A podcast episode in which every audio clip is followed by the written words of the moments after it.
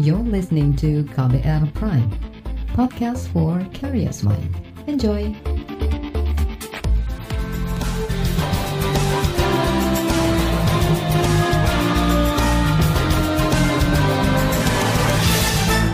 Anda mendengarkan KBR sore hari ini, 18 Agustus 2021, saya Reski Mesanto. Sore hari ini saya kembali hadir dan seperti biasa siap menjadi teman Anda beraktivitas selama kurang lebih 30 menit ke depan. Sore ini saya mau ajak Anda untuk merefleksikan kemerdekaan Indonesia yang kini berusia 76 tahun. Di tengah suasana peringatan kemerdekaan itu, banyak pertanyaan mengenai kebebasan berpendapat dan berekspresi di Indonesia yang menurun. Pemerintah saat ini dianggap kerap membungkam kemerdekaan berpendapat dan berekspresi. Kita bahas sore hari ini di KBR Sore. Saudara, Komisi Nasional Hak Asasi Manusia bersuara keras mengenai kualitas demokrasi di tanah air. Berdasarkan survei yang dilakukan sepanjang tahun lalu, Komnas HAM mencatat masyarakat saat ini semakin takut menyampaikan pendapat di muka umum, apalagi untuk mengkritik kebijakan pemerintah. Ketua Komnas HAM, Ahmad Taufan Damanik mendorong pemerintah melindungi dan menjamin hak kebebasan berpendapat dan berekspresi di masyarakat. Yang kedua tadi saya katakan, di dalam perjalanannya memang banyak catatan, tantangan-tantangan. Saya katakan tantangan lah. Dalam hak sipil politik kita belum sepenuhnya Ya, makanya itu ada survei Komnas yang yang menunjukkan ada kelompok masyarakat kita yang masih punya kekhawatiran, ketakutan, merasa tidak nyaman misalnya berekspresi, apalagi mengkritisi pemerintah. Itu kan catatannya yang menjadi tantangan kita. Ketakutan masyarakat dalam berpendapat itu tak lepas dari banyaknya kasus kriminalisasi terhadap masyarakat, baik yang bersuara kritis terhadap pemerintah hingga korporasi, termasuk jeratan Undang-Undang Informasi dan Transaksi Elektronik atau Undang-Undang ITE. Sementara itu, Komisioner Pemantauan dan Penyelidikan Komnas HAM Hoirul Anna mengatakan, semakin terbatasnya kebebasan berpendapat dan berekspresi masyarakat menjadi poin krusial dalam laporan terkini Komnas HAM 2020. Yang pertama memang yang akan menjadi tren tantangan besarnya adalah soal kebebasan berekspresi. Nah, kebebasan berekspresi ini menjadi krusial dalam kehidupan kita sebenarnya, apalagi dalam kehidupan yang serba terbatas karena COVID. Nah, oleh karenanya penting untuk memastikan bahwa kebebasan berekspresi itu tetap dapat dilindungi gitu. Memang perlu edukasi di tengah-tengah masyarakat soal bahwa memang kebebasan berekspresi itu ada batasannya. Misalnya soal siar kebencian, serangan terhadap ras, etnis, identitas tertentu, itu memang ya harus kita edukasi gitu. Hoirul juga mengklaim Komnas HAM sudah berkomunikasi dengan pihak kepolisian untuk mencari jalan keluar dalam penyelesaian kasus-kasus pelanggaran kebebasan berpendapat dan berekspresi. Ia mengingatkan kepolisian harus menggunakan pendekatan humanis dalam melakukan penindakan. Soal kebebasan berekspresi itu sesuai dengan pasal 19 ICCPR, memang ada soal menghormati reputasi orang, hak atas reputasi orang. Nah, bagaimana kalau singgungan dengan itu? didorongnya adalah soal perdata, jangan soal pidana. Karena kasus-kasus yang masuk di kepolisian yang paling banyak itu soal reputasi sebenarnya. Kalau soal-soal publik, soal ras, soal etnis, ya masih sangat kecil gitu. Tapi soal reputasi ini banyak. Nah ini akan menyegarkan kehidupan demokrasi kita. Gitu. Karena kepentingan publik akan tetap terjaga, kepentingan individu dengan mekanisme keperdatanya juga akan terjaga. Yang kedua sebenarnya yang akan jadi tren itu di tengah-tengah uh, situasi COVID ini, merujuk pada laporan kami di tahun 2020, beberapa rekomendasi itu yang salah satu yang sangat penting adalah membangun solidaritas masyarakat. Karena studi yang kami lakukan di tahun 2020 itu, tidak ada negara satupun yang berdiri kokoh sendirian mengurusin COVID itu tidak ada. Pasti instrumen negara, instrumen pemerintah harus gandeng bahu-membahu, bergandengan tangan dengan seluruh masyarakat. Makanya salah satu rekomendasi kami adalah membangun solidaritas sosial. Itu tadi Komisioner Pemantauan dan Penyelidikan Komnas HAM Hoirul Anam. Saudara, konsep kebebasan berpendapat dan berekspresi diatur dalam sejumlah payung hukum. Misalnya, pasal 19 ayat 2 Kovenan Internasional tentang hak hak sipil dan politik yang sudah diratifikasi pemerintah Indonesia. Pasal itu berbunyi, setiap orang berhak atas kebebasan berekspresi. Sementara itu dalam konstitusi RI, kebebasan berpendapat dan berekspresi juga dilindungi sesuai pasal 28E ayat 3 Undang-Undang Dasar 45. Bila kebebasan berpendapat dan berekspresi diberangus atau dikerangkeng, maka masyarakat dipaksa menerima kebenaran tunggal versi pemerintah. Kita break sejenak, dan nanti setelah break akan kami hadirkan laporan khas KBR kali ini mengulas topik soal kasus mural wajah mirip Jokowi. Tetaplah di KBR sore. You're listening to KBR Pride, podcast for curious mind. Enjoy!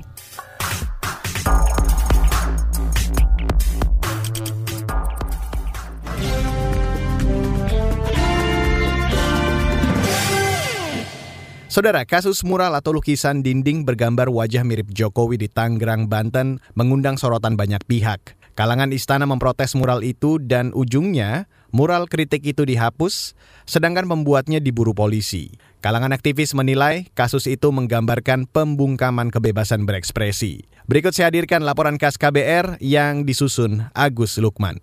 Presiden Joko Widodo memberi perhatian pada banyak kritik yang ditujukan padanya, terutama pada hal-hal yang belum diselesaikan pemerintah.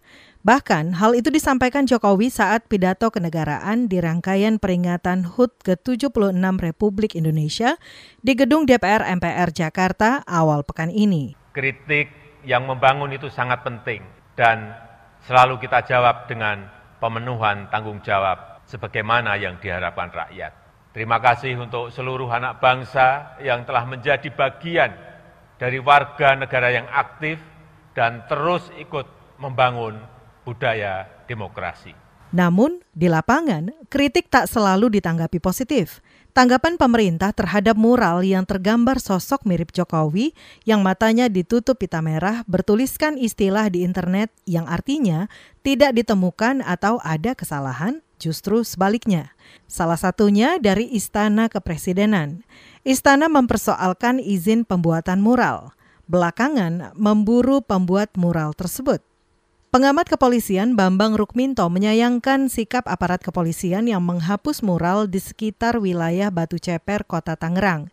Menurutnya, mural itu tidak secara eksplisit menunjuk kepada Presiden Jokowi, sehingga pembuat mural tersebut tak seharusnya diburu oleh polisi. Ini overreaktif kepolisian dan menunjukkan bahwa kawan-kawan di kepolisian ini masih mentalnya masih asal bapak senang gitu loh, malah yang yang kemudian bersifat destruktif dalam membangun demokrasi di negara kita ini. Makanya SDM kepolisian ini harus harus ditingkatkan bagaimana cara berpikir demokratis yang benar seperti itu dan jangan stagnan di pola-pola berpikir orde baru.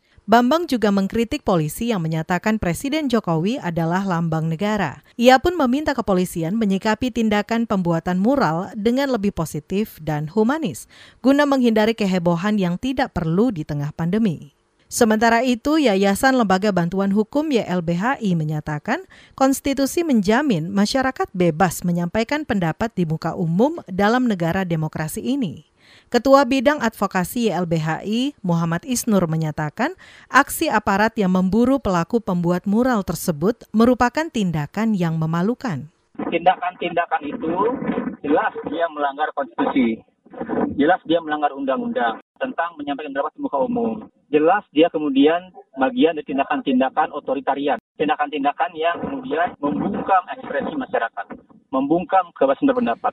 YLBHI mencatat selama pandemi COVID-19, pemerintah justru cenderung membungkam kritik masyarakat dan terkesan otoriter. Isnur mencontohkan kasus pembungkaman kritik yang dialami Badan Eksekutif Mahasiswa atau BEM Universitas Indonesia setelah melontarkan kritik presiden sebagai the king of lip service atau raja pembual. Ia juga mengkritik aparat kepolisian yang kerap bermasalah dalam menangani kritik terhadap pemerintah. Dia mendorong agar aparat tidak membungkam masyarakat yang kritis terhadap kebijakan pemerintah. Isnur menambahkan Undang-Undang Dasar 1945 pasal 36 menyatakan yang termasuk simbol negara adalah bendera, lambang Garuda, bahasa, dan lagu kebangsaan. Ada larangan menghina simbol-simbol negara itu. Sementara Presiden merupakan kepala negara yang harus siap dikritik terutama terkait komitmen atau janji-janjinya. Laporan ini disusun Agus Lukman. Saya Aika Renata. Saudara, bagaimana tanggapan pemerintah terkait jaminan dan perlindungan hak kebebasan berpendapat dan berekspresi? Selengkapnya, setelah jeda akan saya hadirkan penjelasan dari kantor staf Presiden atau KSP. Tetaplah di KBR sore. You're listening to KBR Pride, podcast for curious mind. Enjoy!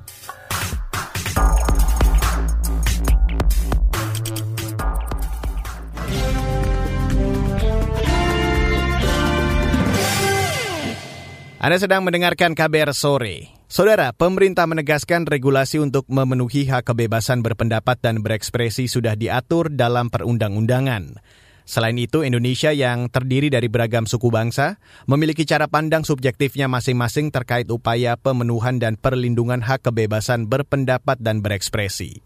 Selengkapnya, saya ajak Anda untuk langsung mendengarkan wawancara jurnalis KBR Reski Novianto dengan tenaga ahli utama kantor staf Presiden, Adi Irfan Pulungan.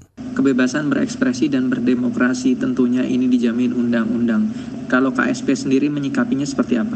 Tentang masalah kebebasan berpendapat, ya itu kan sudah diatur oleh undang-undang. Ya, sudah hmm. ada regulasinya, sudah ada aturan mainnya. Ya, nah tentu kita harus berpegang pada itu.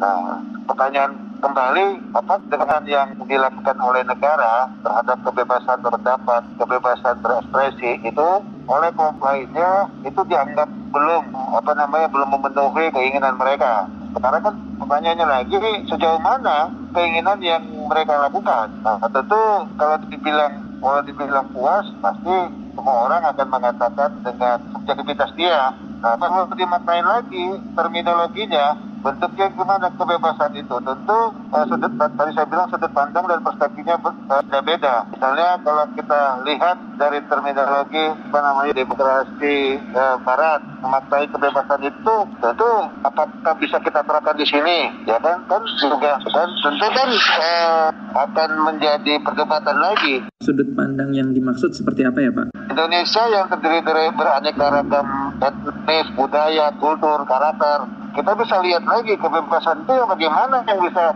dimengerti dan dipahami oleh keanekaragaman itu. Nah makanya saya bilang itu tergantung sudut pandang dan kita cara memaknainya bagaimana. Jadi nggak bisa nggak bisa juga orang mengatakan oh ini kebebasan kebebasan berekspresi. Iya betul dalam perspektif personal individu dia. Tapi apakah kebebasan itu bisa juga uh, apa namanya di di dipahami oleh uh, orang lain. Nah itulah keberagaman rakyat Indonesia makanya kita juga nggak bisa samakan kebebasan yang dimaknai oleh orang lain atau kelompok tertentu menyamakan kebebasan itu seperti kebebasan di dunia lain atau negara lain. Lantas terkait kebebasan berekspresi yang diklaim LSM Kontras contohnya itu mengalami kemunduran. Bagaimana Bapak menyikapinya? Ya itu yang saya bilang tadi. Sekarang di sudut pandangnya yang mengatakan mengkritik itu bagaimana sudut pandangnya? Dia mau, mau pakai karakteristik apa? Dia mau pakai parameter yang mana? Kalau teman-teman NGO memakai parameter karakteristik dunia luar, dunia barat, ya nggak bisa masuk di sini diterapkan. Sama halnya misalnya kalau kita ada keragaman budaya, ada suku Indonesia dari Sabang sampai Merauke, dari Pulau Pulau Rote sampai Miangas, pakai satu peradaban yang ada di kita. Solo misalnya kita terapkan. Karena presidennya dari Solo kita terapkan di Papua. Ya nggak bisa kan? Sekarang ini teman-teman yang mengkritik teman-teman yang memberikan argumentasi itu dia pakai sudut pandang mana? Kita udah jelas ada regulasi kita ada Pancasila ada undang-undang dasar ada ya kan? Ada undang-undang yang mengatur itu. Nah sekarang mana dikatakan mundur? Maksud saya itu aja. Nah mana? Tentu ada batasannya kan? Nah, cara mengkritik kan juga harus ada batasannya. Kalau mengkritik itu mencaci maki, ya menghina, menghujat, apalagi menyebarkan hoax. Dibilang ini kebebasan. Ya kebebasan bagi kamu, tapi bagi orang kan belum tentu. Itu saya apa namanya pertanyakan juga bagi orang-orang yang kritisi tentang hal itu. Saudara itu tadi wawancara jurnalis KBR Reski Novianto dengan tenaga ahli utama kantor staf presiden atau KSP Ade Irfan Pulungan. Sementara itu lembaga Amnesty International Indonesia menyoroti hak kebebasan berpendapat dan berekspresi di Indonesia yang masih mendapat ancaman dan sulit terpenuhi. Informasi selengkapnya ada di bagian akhir dari KBR sore. Tetaplah di KBR sore.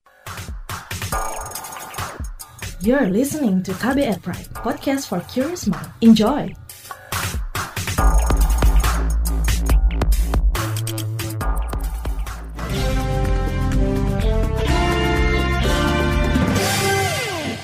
Dan inilah bagian akhir dari KBR sore. Saudara, meski sudah 76 tahun Indonesia merdeka, tapi pemenuhan hak berpendapat dan berekspresi masih menyimpan masalah. Lembaga Independen Amnesty International Indonesia bahkan menemukan banyak temuan kasus pelanggaran hak kebebasan berpendapat dan berekspresi. Selengkapnya saya ajak Anda untuk langsung mendengarkan wawancara jurnalis KBR Astri Septiani dengan Deputi Direktur Amnesty International Indonesia, Wirya Adiwena. 76 tahun Indonesia merdeka, bagaimana potret kebebasan berekspresi menurut catatan Amnesty International? Indonesia memang sudah merdeka selama 76 tahun, Mbak Astri. Dan selama kemerdekaan ini memang ada beberapa hal positif yang dapat kita lihat ya, tapi tentu kalau dari kita lihat kebebasan berekspresi, dalam beberapa tahun terakhir ini menjadi sebuah catatan kritis, sebuah masalah karena kriminalis kriminalisasi yang menggunakan pasal-pasal karet di UITE itu masih berlangsung. Kalau amnesti sendiri Mbak Astri itu kita punya data yang cukup jelas menunjukkan bahwa penggunaan pasal-pasal karet itu tinggi dalam beberapa tahun terakhir. Dalam tahun 2020 itu ya Mbak, uh, setidaknya ada 132 kasus yang pelanggaran hak atas kebebasan berekspresi dan menggunakan UITE uh, termasuk di antaranya adalah 18 aktivis dan 4 jurnalis yang seharusnya menjadi ujung tombak kebebasan ekspresi di negara ini. Dan tahun 2021 yang belum berakhir saja, itu seenggaknya sudah terjadi 56 kasus pelanggaran kebebasan berekspresi. Uh, baru-baru ini yang kami catat juga, salah satu kasus yang menimpa itu kami dapatkan dari seorang nakes, di mana beliau itu bekerja di Wisma Atlet dan sedang, sedang menggunakan uh, ini tidak terkait dengan UIT ya sih, tapi dia sedang hendak melakukan konferensi pers, namun dia mendapatkan perundungan untuk apa namanya melakukan konferensi pers itu. Seingat saya, dia dipaksa untuk berada dalam ruangan diinterogasi uh, untuk membatalkan konferensi pers tersebut. Di dalam ruangan itu dia berada bersama beberapa aparat berseragam. Mas, kalau dari Komnas HAM sendiri kan menyatakan mendorong kasus-kasus terkait kebebasan berekspresi ini diselesaikan secara perdata. Pendapat Anda seperti apa? Ya, kami secara umum sih setuju ya Mbak dengan pandangan tersebut. Intinya adalah ya kita meminta untuk segera menghentikan kriminalisasi Mbak. Terkait masalah kebebasan berekspresi yang masih menjadi PR begitu seperti yang disebutkan tadi, langkah apa yang harus dilakukan oleh negara? Dengan jumlah kriminalisasi terhadap orang-orang masyarakat umum maupun aktivis dan jurnalis yang menggunakan pasal-pasal karet dalam UU ITE itu selalu tinggi dari tahun ke tahun, ini jelas menunjukkan bahwa UU ITE harus segera direvisi demi keadilan, uh, demi memastikan bahwa kebebasan berekspresi masyarakat di Indonesia itu dilindungi. Nah, lebih dari itu, selain revisi pun, sambil menunggu pemerintah itu melakukan revisi, uh, kita ingin bahwa pemerintah juga harus mengambil langkah yang konkret untuk memastikan perlindungan hak kebebasan berekspresi. Antara lain, dengan memberikan amnesti atau pembebasan tanpa syarat kepada mereka yang dihukum dihukum, dipenjara, dikriminalisasi hanya karena menyampaikan ekspresi mereka secara damai tanpa mendorong kekerasan. Saudara, itu tadi perbincangan jurnalis KBR Astri Septiani dengan Deputi Direktur Amnesty International Indonesia, Wirya Adiwena. Dan wawancara tadi sekaligus menutup kabar sore untuk hari ini 18 Agustus 2021. Terima kasih untuk Anda yang sudah bergabung sore hari ini dan jangan lupa selalu terapkan dan patuhi protokol kesehatan di mana pun Anda berada. Kurangi mobilitas karena itu salah satu cara untuk memutus rantai penyebaran COVID-19 ini. Dan untuk Anda yang tertinggal KBR sore hari ini, Anda bisa mendengarkannya kembali di podcast KBR sore. Ada di Spotify, KBR Prime, dan tentunya platform mendengarkan podcast lainnya. Saya Reski Mesanto undur diri dari KBR Sore. Salam.